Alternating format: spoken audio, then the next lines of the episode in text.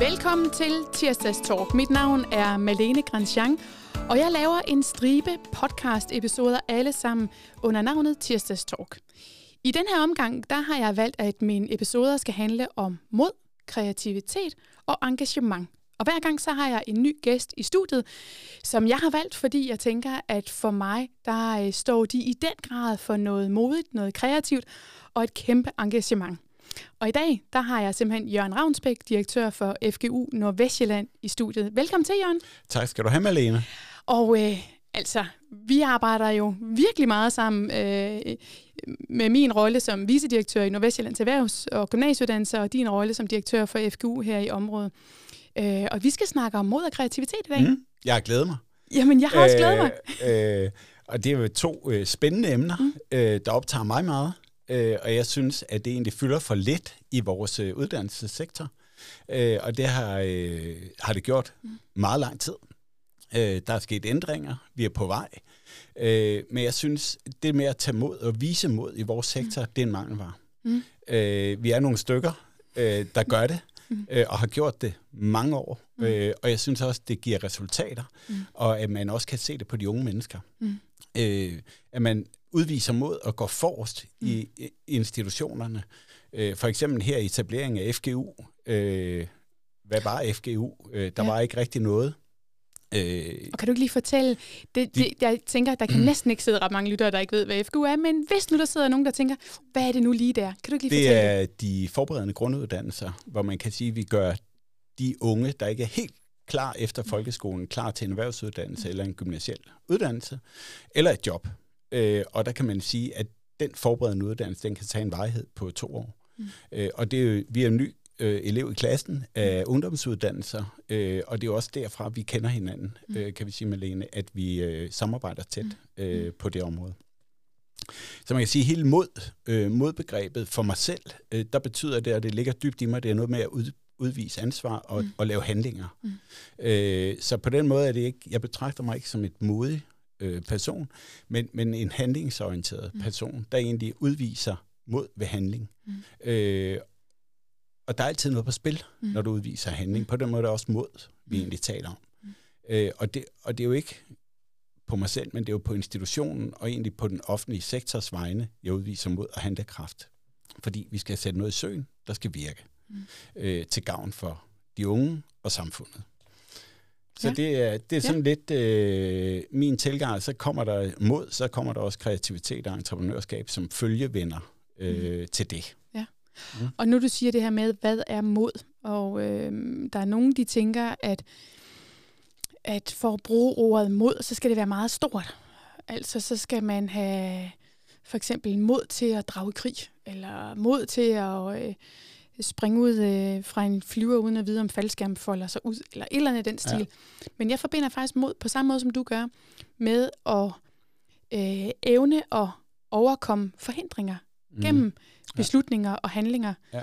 Øhm, og det kræver på en eller anden måde mod, fordi nogle gange så er det nemmere at lade være. så nemmere at læne sig tilbage. Men også, det er jo lidt det, ser du uretfærdigheder. Ja. Så kan du også vælge at vende mm. det blinde øje til, mm. ikke gøre noget. Men det svære er jo nogle gange mm. at have mod til at gøre noget, mm. og tage fat i, hvis der er nogen, der bliver mobbet, hvis der er nogen, mm. der bliver holdt uden for et fællesskab, og gøre en forskel for dem, der faktisk bliver holdt uden for fællesskabet, mm. og tage fat i dem, der gør det, og mm. ekskludere. Og det er jo mod. Mm. Det er mod på den, en anden skala, end det, du er inde på, det ja, med at drage krig. Øh, men det er jo den mod, der ja. driver hverdagen. Mm. Fordi hvis du ikke handler og udviser det, så går verden i stå. Ja.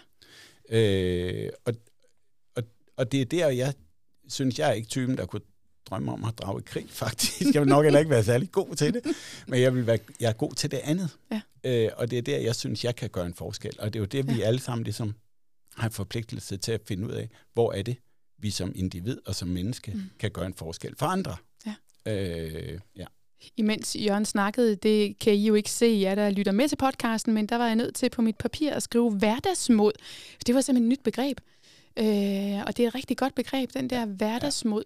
Ja. Ja jeg ved, at jeg ikke vil have mod til at drage krig, øh, men det er simpelthen fordi, øh, igennem hele livet, jeg, jeg har masser af mod til alle mulige ting, men når min kat er kommet ind med en fugl eller en mus, der er halvt død, så kan jeg ikke slå den helt ihjel. Selvom jeg synes, det er synd, at musen lider, så er jeg nødt til at få fat i nogle andre. Ja. Altså, øh, jeg vil jo ikke bruges til noget i krig. Nej. og det er jo det, vi har hver vores øh, forser, Ja. øh, hvor vi kan jo sige, at der er jo nogen, der kigger på det, vi laver i vores øh, professionelle liv, Ja. der tænker, hvordan fanden gør I? Hvor, Ja. Hvorfor tør I? Ja. Øh, og det synes vi jo bare er nødvendigt. Ja. Det er derfor, vi gør det. Ja. Øh, hvorimod, at noget af det, de andre synes, Mhm. er, vi bliver nødt til at gøre det, Ja. synes vi er vildt modigt. Ja, ja. Øh, altså, så jeg tror, det er en meget individuel ting, Mhm. øh, det her med at udvise mod og Mhm. vise handling øh, på det. Og så er det jo også, jeg tror, det ligger dybt i, i mig i hvert fald, at, at tage et ansvar. Mm. Og ligesom øh, følge det ansvar til dørs, og egentlig sige, det, det her det er uretfærdigt.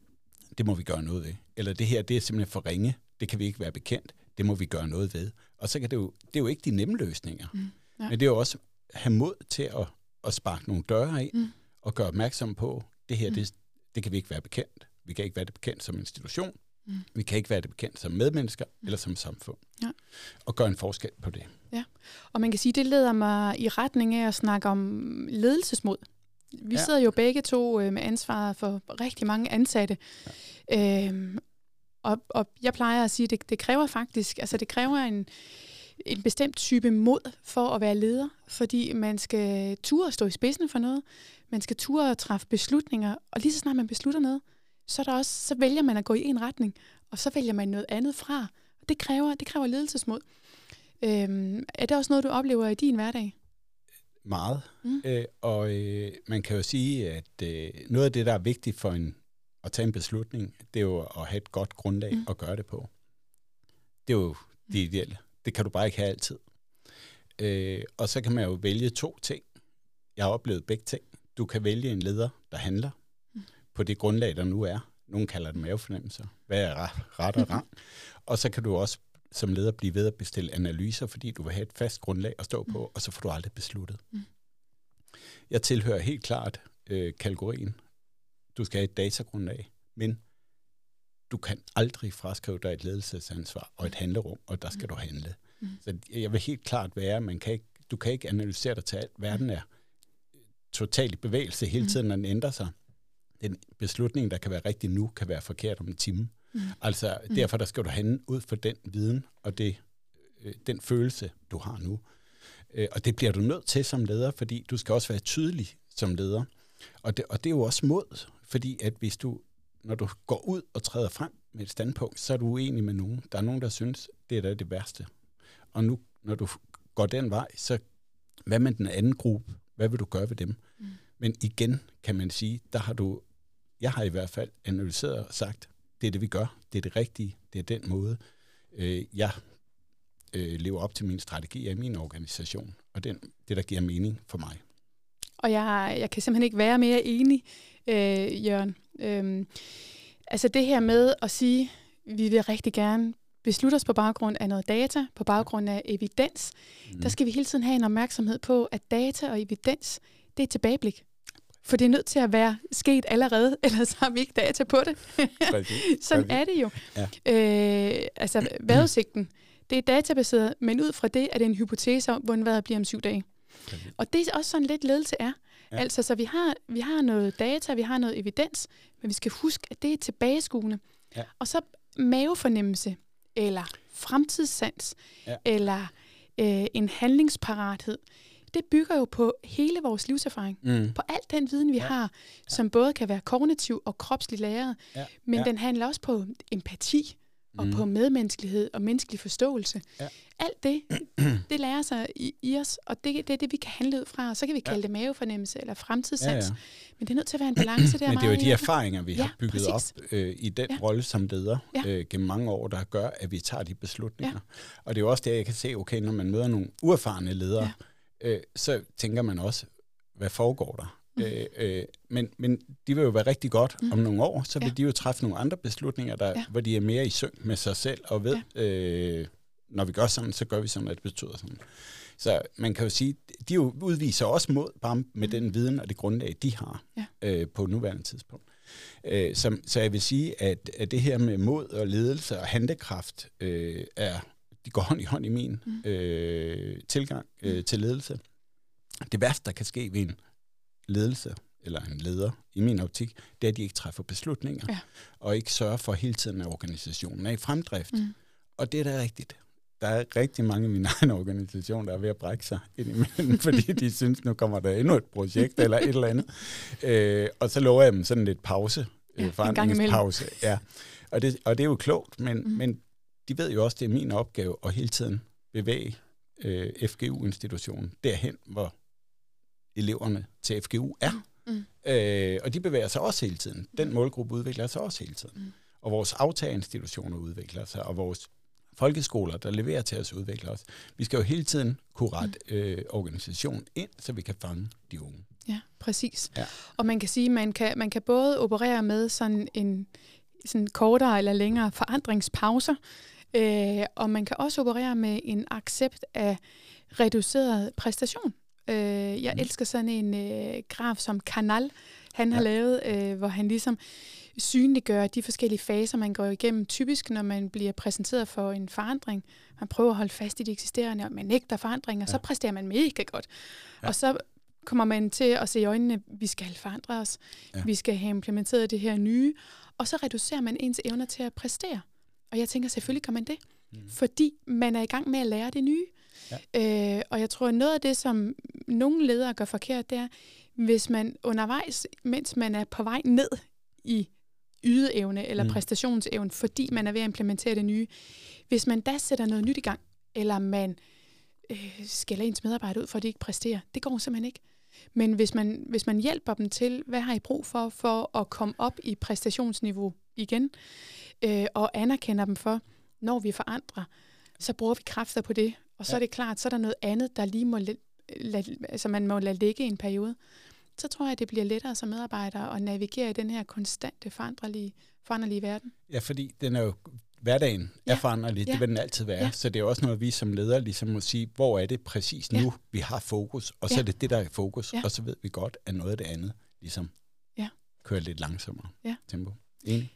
Jeg kunne godt tænke mig at spørge dig ind til sådan nogle mere sådan, måske sådan øh, personlige erfaringer. Mm. Øh, kan du komme med et eller to eksempler på, her der krævede det på en eller anden måde noget ekstraordinært mod fra dig? Det, for eksempel, da jeg søgte jobbet ja. øh, som direktør for ja. FGU, øh, der var jo ikke rigtig nogen, der vidste, hvad det var. Nej, det fandtes ikke. det fandtes ikke. Øh, og jeg havde faktisk helt ærligt ikke hørt om det, FGU faktisk, før, før jeg blev kontaktet, om det ikke var noget for mig at søge. Fordi de kunne se, at jeg havde lavet noget lignende mm. øh, på et erhvervsakademi. Mm. Øh, og så måtte jeg da hjem og læse, øh, hvad var grundlaget, og, og hvad har vi gang i her. Og øh, det kiggede jeg da ind i, mm. øh, og, øh, og talte da både med min familie om det her nu også var noget, jeg synes kunne være spændende mm. på lang sigt. Øh, og fandt ret hurtigt ud af, at det var det. Mm. Øh, dels fordi, at det lå i vores lokalområde. Det er en målgruppe, der egentlig dybest set har været overset uddannelsespolitisk mm. i mange år. Mm. Øh, nu bliver der sat fokus på den, nu skal den løftes, og der skal arbejdes også med progression, altså med læringsmål, i forhold til, at de skal videre, og det er ikke bare et værested. Øh, så, og det, det, det følte jeg faktisk var lidt modigt, fordi der var ingenting. Mm. Øh, og øh, jeg vidste jo altså egentlig ikke, øh, hvad jeg gik ind til. Nej.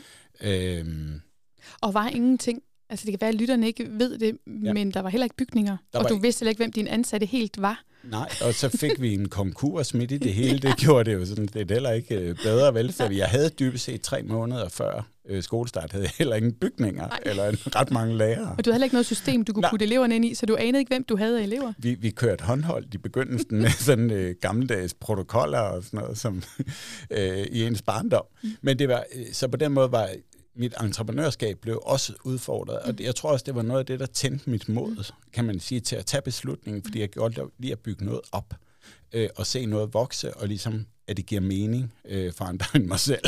altså, og det gør det jo absolut, når man arbejder med uddannelse. Mm. Så man kan jo sige, at det mod og en følgesvend for mig, det er entreprenørskab mm. i forhold til mod. Mm. Øh, og når jeg kigger tilbage, så har det faktisk været det i den her sektor de sidste øh, 30 år. Mm.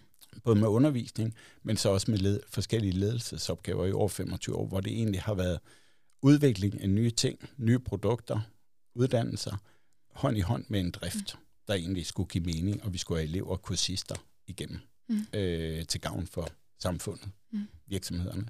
Så man kan sige, det er, det er to følgesvende mm. øh, på det her. Øh, og i virkeligheden er den sidste ting også med kreativitet.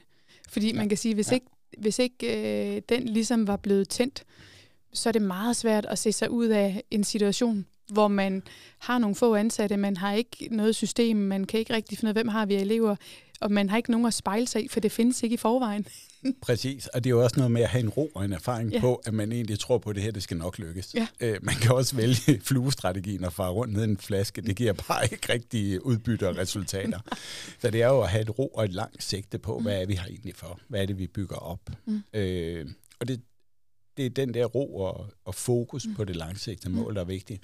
For når man laver en ny institution og fusionerer for den sags skyld, så er der jo også nogle tilbagefald i processen, mm. det ved mm. vi. Og man egentlig bare stadigvæk som, som leder har fokus på, mm. det bliver godt det her. Ja. Øh, og vi skal bare igennem nogle, øh, der er nogle runder. bump på vejen. Der er nogle bump øh, på vejen, det kan simpelthen ikke være anderledes, lige meget hvad vi laver. Ja. Øh, så, så man kan sige, og så er der jo mange af de der hverdags, hvor jeg også føler, man egentlig er modig øh, i hverdagen, mm. hvor man ja. egentlig bagefter tænker, gjorde du lige det, Jørgen? Ja, det gjorde vi faktisk. Det, ja. kunne egentlig, det kunne have gået helvede til. Ja. Men det gjorde det jo så ikke for de fleste gange, kunne skille lov, hvor man tager, tager chancen. Og så øh, øh, går det godt. Ja. Øh, og, og, og, og, og heldet er jo også en meget god følgesvend, når man, ja. når man taler mod. Det skal man slet ikke forklare. Det er det. Nej, og nogle gange, så, så det er lidt sjovt det her med held, fordi vi ved det godt fra sportens verden, at øh, det hold, der ligesom spiller godt og får samspillet til at virke, ja. Ja. der er det typisk stolpe ind, ja. og ikke stolpe ud. Altså der følger heldet dem. Og der tænker jeg, øh, held er også på en eller anden måde noget, man opsøger. Når man har mod, og man evner noget samspil, og, og man alligevel får nogle af processerne til at glide, så er det som om, så, øh, så er man nogle gange lidt mere heldig. Og jeg tror, det har også noget med ens livsindstilling at ja. gøre. Øh, fordi hvis du ligesom ser positivt på mm. livet og på de muligheder, ja. livet giver, så går den også stolpe ind de fleste ja. gange. Det gør det den. Gør den. Det er ked af at sige, det gør den. Øh, og, og, og, og, og det kan man også se i ens ledergrupper, mm. i, mm. blandt ens medarbejdere. Det, det er den der positivisme, mm. der mange gange gør mm. det nemmere mm. for den enkelte leder, mm. den enkelte medarbejder, at være en del af en organisation. Ja. Fordi de ser muligheder, de kan gribe det, og den energi, det giver. Hvorimod, at hvis man ligesom er sådan lidt... Øh, midtbane-træt, ja. måske, så kan, det, så kan det godt være sådan lidt, ah, okay, nu går det galt igen-agtigt. Ja. Og, og, og, og der tror jeg simpelthen, at den der personlige øh, tilgang til det gør en kæmpe forskel. Altså, hvordan står du ud af sengen om morgenen? Ja. Altså, det lyder for tæsket, men det har simpelthen en vigtig betydning ja. øh, i forhold til din ledergærning ja. øh, og tilgang til forandringer og mod øh, Ja, måske i virkeligheden hele livet. Enig. Ja. Enig. Jeg kommer sådan til at tænke på noget, jeg har lært mine egne piger, øh, når de har mødt sten på vejen. Fordi jeg har valgt ikke at feje dem væk. Fordi man skal selv overkomme dem. Man får så meget succes af at kravle hen over de sten, der, der lander på ens vej. Og de lander på ens vej, om man er, om man er ung eller gammel, eller man er leder eller studerende, eller hvad man er. Øh, og jeg har sådan et, øh, et ordsprog, der siger, at det, det kan ikke se lige så slemt ud om syv dage. har jeg altid sagt til dem. Så uanset hvor kede de har været af det, altså det kunne fx være kærestesover, der tænker man jo, at livet går stå. Det gør det faktisk. Og, ja. og der, er ikke, der er ikke noget, øh, der er værd, altså livet er ikke værd at leve. Nej. Men der plejer jeg at sige til dem, altså du er jo maksimalt ked af det i dag. Ja. Og, og det, kan, det kan din krop og din, dit hoved slet ikke holde til at være i lang tid. Så det ser ikke lige så slemt ud om syv dage. Prøv selv at tælle. og det virker faktisk altid. Ja. For vi kan, vi kan næsten ikke holde ud at være der. Og nogle gange så det her med at træffe en beslutning om, nu giver jeg lige den her udfordring, eller den her sorg, eller den her irritation, den må være i kroppen i tre dage, og så er den ja. over. Ja. Det kan godt være, at det er sådan lidt, øh, lidt skørt, men vi trigger vores sind til at tænke, nå okay, så det er over om tre dage, det er ja. da super. Ja. Og, og, og det er også til overskue. Det er til overskue tre dage. ja, det er det. det er en kort tidshorisont for, for de der voldsomme følelser. Ja, jeg har også altid sagt til, til, til vores derhjemme, du må gerne kravle op mm. i træerne. Du skal bare huske at holde fast. ja, ja, ja. Men du kan ikke det flyve. du kan ikke flyve. Øh, og det er jo igen det der, at du skal udfordre dig Mm, selv ja. også, øh, og så sørge for, at det ikke går galt. Ja. Altså virkelig øh, Ja. hold fast, ikke? Og Ja. så er det godt at kravle op. Ja. Men du skal sikre dig en nedstigning, der er fornuftig. ja, og, øh, og hvis man nu kommer til at falde det sidste lille stykke, så må man gerne græde og, øh, og få plaster Og på. være ked af det. Og ved du hvad, så går det over igen. Enig. Så øh, Enig. ja, altså, øh, hvis vi nu sådan skal snakke om, øh, om mod og Mhm. kreativitet, øh, arbejder du så med øh, at fremme det hos dine medarbejdere også? Helt sikkert. Ja. Fordi jeg har egentlig altid arbejdet meget med selvledelse, Ja. hvor rammerne har været ret klare, Mm. mm. tydelige. Og ud fra det, der er jeg egentlig ikke så meget interesseret i, hvordan, men at vi når målet. Mm. Mm. Øh, og der kan man jo sige, hvordan du kommer derhen, Mm. det er lidt dit eget Mm. ansvar inden for den øh, bane, jeg har Mm. stillet op, og komme derhen. Om du øh, egentlig løser opgaven på skolen, Mm. hvis du er en administrativ medarbejder, eller du løser den hjemme i haven. Mm. Det er sådan set lige meget. Det er målet, der er afgørende Ja. øh, for mig. Og det, det der frirum, og den der øh, rum til kreativitet, egentlig også, hvordan jeg udfører det, Mm. men er jeg når i mål, det tror jeg, det giver meget energi for medarbejderne. Mm. Det giver meget stor indflydelse på, hvordan de arbejder. Og det er helt sikkert, at de yder max Mm. mm. i forhold til Du får meget mere. meget mere Mm. mm. ved at slippe det her fri. Mm. Mm. Øh, et godt eksempel var, at vi jo fra centralt hold på vores område, ligesom der var lagt op til timeregistreringer af medarbejdernes Mm. mm. tid og øh, ind og ud, og det vil jeg ikke have, for det mener jeg simpelthen er dræbende. Fordi hvis jeg går ind og beder om tidsregistrering, så beder jeg om den laveste fællesnævner, så vil de også begynde at bede om tid af mig, Mm. hvorimod jeg hellere vil have løst opgaverne og opgaver fokuseret. Øh, og der havde vi nogle rigtig gode arbejdstidsforhandlinger faktisk her, hvor vi egentlig stod lidt stejlt på hinanden, men egentlig endte i en model, hvor vi ikke tidsregistrerer, men hvor det er opgavestyret. Mm. Øh, og, det, og det kan noget, fordi det frisætter medarbejderne. Jeg vil udvise maks tillid til, at mine medarbejdere løser opgaverne inden for den her tid, Mm. Og at de er ansvarlige over for vores elever. Mm.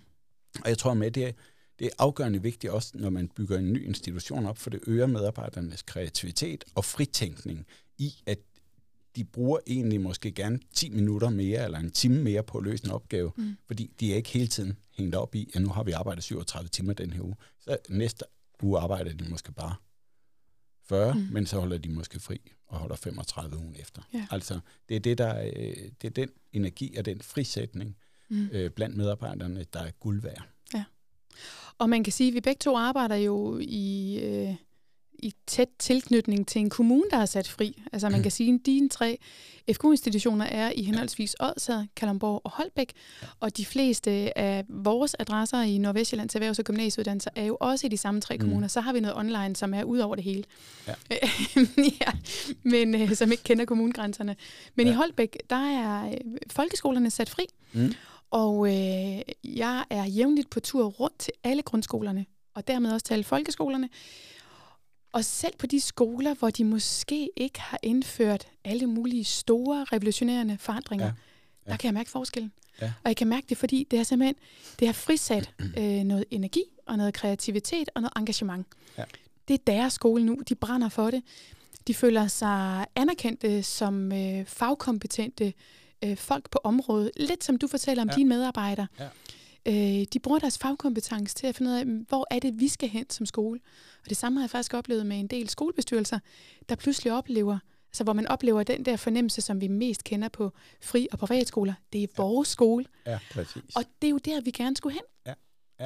Jeg tror, noget af det der ejerskab af en, Mm. folkeskolerne, hvis Mm. det er i Holbæk, at det er Mm. deres egen skole. Mm. Det tror jeg giver sindssygt meget energi, og det er også det, jeg kan høre, når jeg taler med, med de ansvarlige også i Mm. Holbæk, at det er rigtig meget begejstring. Mm. Øh, at selvfølgelig begejstring væk fra det, de ikke vil have, Mm. mm. men det er også begejstring på vej mod noget, de er ved at bygge op, Mm. mm. oplever jeg. Og det tror jeg nemlig, at den der, du får beslutningerne tættere på, du Mm. får ansvaret tættere på, Mm. du står selv til ansvar for den undervisning, du egentlig bedriver, Mm. og skoleledelsen er lokal. Det gør noget. Ja, det gør Øh, det. det gør det. Sindssygt. Og når man, når man giver ansvaret tilbage, så, ja. Så giver man også, så udviser man tillid frem for kontrol. Og måske kunne vi godt lære det på rigtig mange andre parametre, både lokalt og nationalt, i forhold til, at, at det vil skabe et helt andet engagement. Enig. Øh, det er jo kontro- øh, tillid, det bygger på. Mm. Øh, og, og det, jeg tror, Mm. vi tit er udfordret, Mm. det er politikerne egentlig ikke. De vil gerne sige tillid, Mm. men de tør ikke sidde på hænderne. Hvis Mm. der så kommer en sag, Mm. Øh, så vil de løse den meget tidligt. De vil løse den i dagspressen allerede dagen efter og sige, at det er for dårligt, vi sætter en undersøgelse i gang. Men jeg tror, at politikerne de kunne gøre sig selv en kæmpe tjeneste ved at lade ledelsen styre.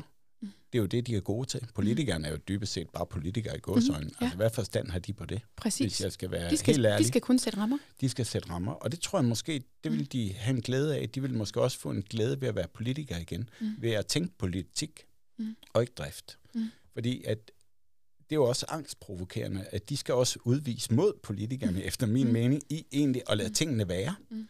Og sige, i stedet for at komme med en løsning, eller vi laver en undersøgelse, sige, det løser de altså ude på den her folkeskole. Der er en kompetent ledelse, det har vi tillid til. Mm. Det tror jeg vil være en kæmpe løft af hele demokratiet, og Mm. den måde, du egentlig driver offentlig virksomhed på i Danmark. Og lad, øh, Kan sidde lidt på hænderne og, og tænke, tænke udvikling og de store penselstrøg og rammer. Ja. Og vi to, vi er jo faktisk vant til det. Fordi man kan sige, når man, når man tilhører en direktion, Ja. så skal man faktisk også øve sig i at sidde Ja. på hænderne. Øh, jeg har tre rektorer under mig, og hvad, fire, tre-fire uddannelseschefer på erhvervsuddannelserne. Og hvis jeg begyndte at tænke drift på hver deres afdeling, så vil jeg fuldstændig fjerne deres ledelseslegitimitet, og deres lyst til at lede, og deres kreativitet og engagement. Det går ikke. Jeg kan sætte nogle rammer, og jeg kan spare, hvis de ønsker det. mm, Øh, og så kan jeg selvfølgelig godt sætte nogle klare retningslinjer. Ja. Altså, jeg synes, vi går den her vej. Ja. Men, men så er det ellers overladt til dem. det er det, de får løn til. Ja. Og vi kunne jo hurtigt forplumre rigtig meget. Får søren. hvis vi, skulle, hvis vi skulle ind i den daglige drift på den enkelte skole. Ja. Øh, for det er de jo bedre til. Ja, de er Øh, tættere på. Meget tættere på. De er i tættere dialog med eleverne og med lærerne. Mm. Øh, og, og det er jo lidt samme øvelse. Mm, øh, bare på det politiske niveau. Mm. Øh, tag det roligt. Mm. Vi har selv valgt ansat i bestyrelserne på skolerne nogle, øh, nogle ledere Mm. til at drive den her øh, butik. Viser det sig så, at de ikke kan, Ja, så så kan man, kan jo man handle. Så kan man handle. Ja. Men man skal ikke lave ad hoc handlinger, Nej. bare fordi man nu bliver drevet af en folkestemning, og der kommer mm. en eller anden undersøgelse, der falder uheldigt ud. Ja. Øh, Ja. Der er jo en bestyrelse til at tage hånd om det, og ikke et byråd. Ja. jeg. Præ- præcis. Ja. Så øh, måske en opfordring til, at de politikere, som ikke selv måske slet ikke har haft et erhvervsjob, Ja. ja. eller, eller har prøvet at være leder eller en direktion, de kunne komme i praktik. Helt klart, jeg vil da gerne øh, tage nogen Ja. med øh, en uges tid øh, Ja. hos mig. Det vil da være en fornøjelse. Ja. Øh, og, og, og det mener jeg, at alle kan blive klogere af. Øh, noget af det, jeg også blev klog på, det er, trådte ind i det her job, mm. det var den øh, beslutnings... Øh, øh, procedur, der egentlig er i kommuner. Der sad Mhm. jeg i en kommune det første halvår, og der blev jeg da sådan meget overrasket over, hvor, hvor, øh, hvor lang tid det måske egentlig tog Mhm. øh, at tage en beslutning. Mhm.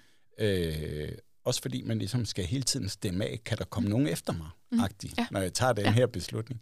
Og, og det er jo igen med tillid og ledelsesrum, Mhm. og medarbejderne øh, egentlig også kan være, have tillid til, at der kommer ikke nogen politikere efter dem, hvis Ja. de tager en forkert beslutning. Og man kan sige, at i en tid, hvor vi mangler hænder, det gør vi på alle områder, altså det er helt ligegyldigt næsten hvilket område, vi kigger Ja, på, ja. så kan man sige, hvis vi øh, fjernede en del af alle de her øh, kontrolsystemer og byråkratiske systemer og øgede tilliden og øgede øh, bestemmelsesretten ude hos fagpersonerne, så ville vi få en masse ledige hænder.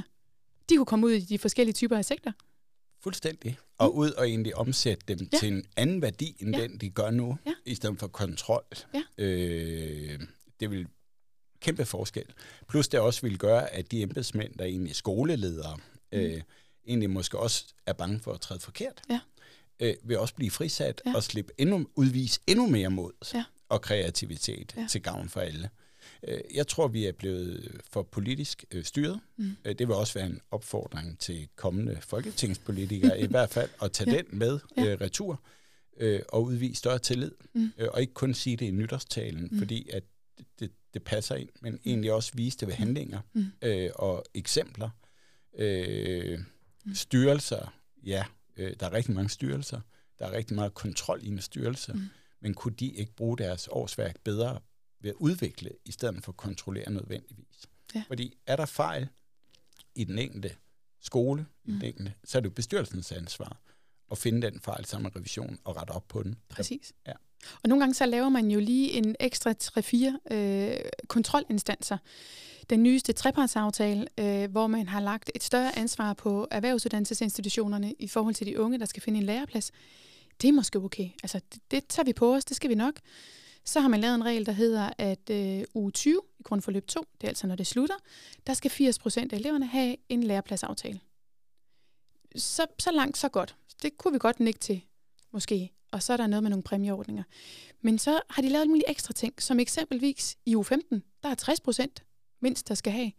Vi ved ikke helt, hvad der sker, hvis ikke der er 60, der bliver indfriet. Bliver vi så trukket i løn, skulle jeg til at sige, eller bliver vi trukket i taxameter?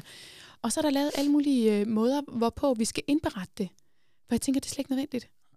I kan bare sige, I bliver straffet, hvis ikke 80 procent af jeres elever, ja. når, de er færdige, når de er færdige med grundforløb 2, har en læreplads. Ja. Punktum. Fordi så behøver de ikke mere. Det er der igen et meget godt eksempel. De sætter nogle systemer op, ja. som I skal premiere. Ja. I skal fodre det her system ja. med informationer. Og hvem skal gøre det? Ja, mm. det skal nogle af jeres medarbejdere, i stedet for at de kunne lave noget mm. andet. Fordi Præcis. det var meget nemmere at sige ved slutningen af forløbet, ja. hvem har ikke. Målet er 80 procent. Ja. I ligger på 75. Hvad er årsagen til det? Hvad er årsagen? Og vi trækker jer måske ja. i nogle præmieordninger. Ja, Fint. enig. enig. Øhm, men dem møder vi faktisk rigtig mange af, de her man kan nærmest kalde det sådan trippelsystemer. så vi skal ansætte et par ekstra, ja. og de skal ansætte et par ekstra til at lave noget, man vil kunne kalde pseudoarbejde. Ja, ja. fuldstændig. Øh, kontrol, kontrol, mm. i stedet for at udvise tillid ja. øh, til hele, hele sektoren, mm. og så ligesom tage den. Men det er jo en anden diskussion. Ja. Øh, og hvem, der, det kræver nogle politikere, der udviser mod ja. og gør det. Øh, og ligesom går forrest og siger, mm. det her, det er i hvert fald unødvendigt nu. Det kunne være, at det var et udmærket beskæftigelsesprojekt, der rigtig mange af de her styrelser har tænkt de, gennem de sidste 20-30 år. Ja. Øh, men, men nu er der bare ikke hænder nok nej, til nej. den værdiskabelse, der nej. egentlig skal ske, ske både i skolesektoren i, og i produktionsvirksomheder, mm. privat virksomheder. Så nogle af de ting, ja. fordi her, man bliver nødt til at gentænke det. Ja. Hvad er egentlig nødvendigt, ja. hvis vi som udgangspunkt har tillid til de bestyrelser, der egentlig er ansvarlige mm. i sidste instans på mm. de enkelte institutioner. Mm leverer det, de skal. Så det er jo der, bestyrelsesansvaret er. Så egentlig styrelser, altså Erhvervs- og Selskabsstyrelsen, ja, de modtager årsregnskaber for at drage en parallel til, til, mm-hmm. til det, og så er det det. Ja. Der sidder ikke særlig mange. Hvorimod, at vi bliver jo tjekket både den ene vej og den anden vej, øh, og stillet spørgsmål. Altså, ja. Ja. Det, man kunne måske også prøve at åbne ja. og kigge lidt over mod, hvad foregår der egentlig af styrelsesredskaber i, fra I den offentlige de mod, den, mod den ja. private sektor. Det vil jeg lade være slutreplikken, og øh, Jørgen, jeg vil love, at hvis jeg får stemmer nok, når der er folketingsvalg næste gang, for jeg sidder jo faktisk som folketingskandidat i, øh, i øh, Sjællands Storkreds, så vil jeg arbejde på, på de her ting, præcis som jeg gør det lige nu som vicedirektør. Ja. Jeg vil sige tusind tak for en øh, inspirerende debat. Ja, tak fordi jeg måtte øh, komme og være med. Det er en fornøjelse.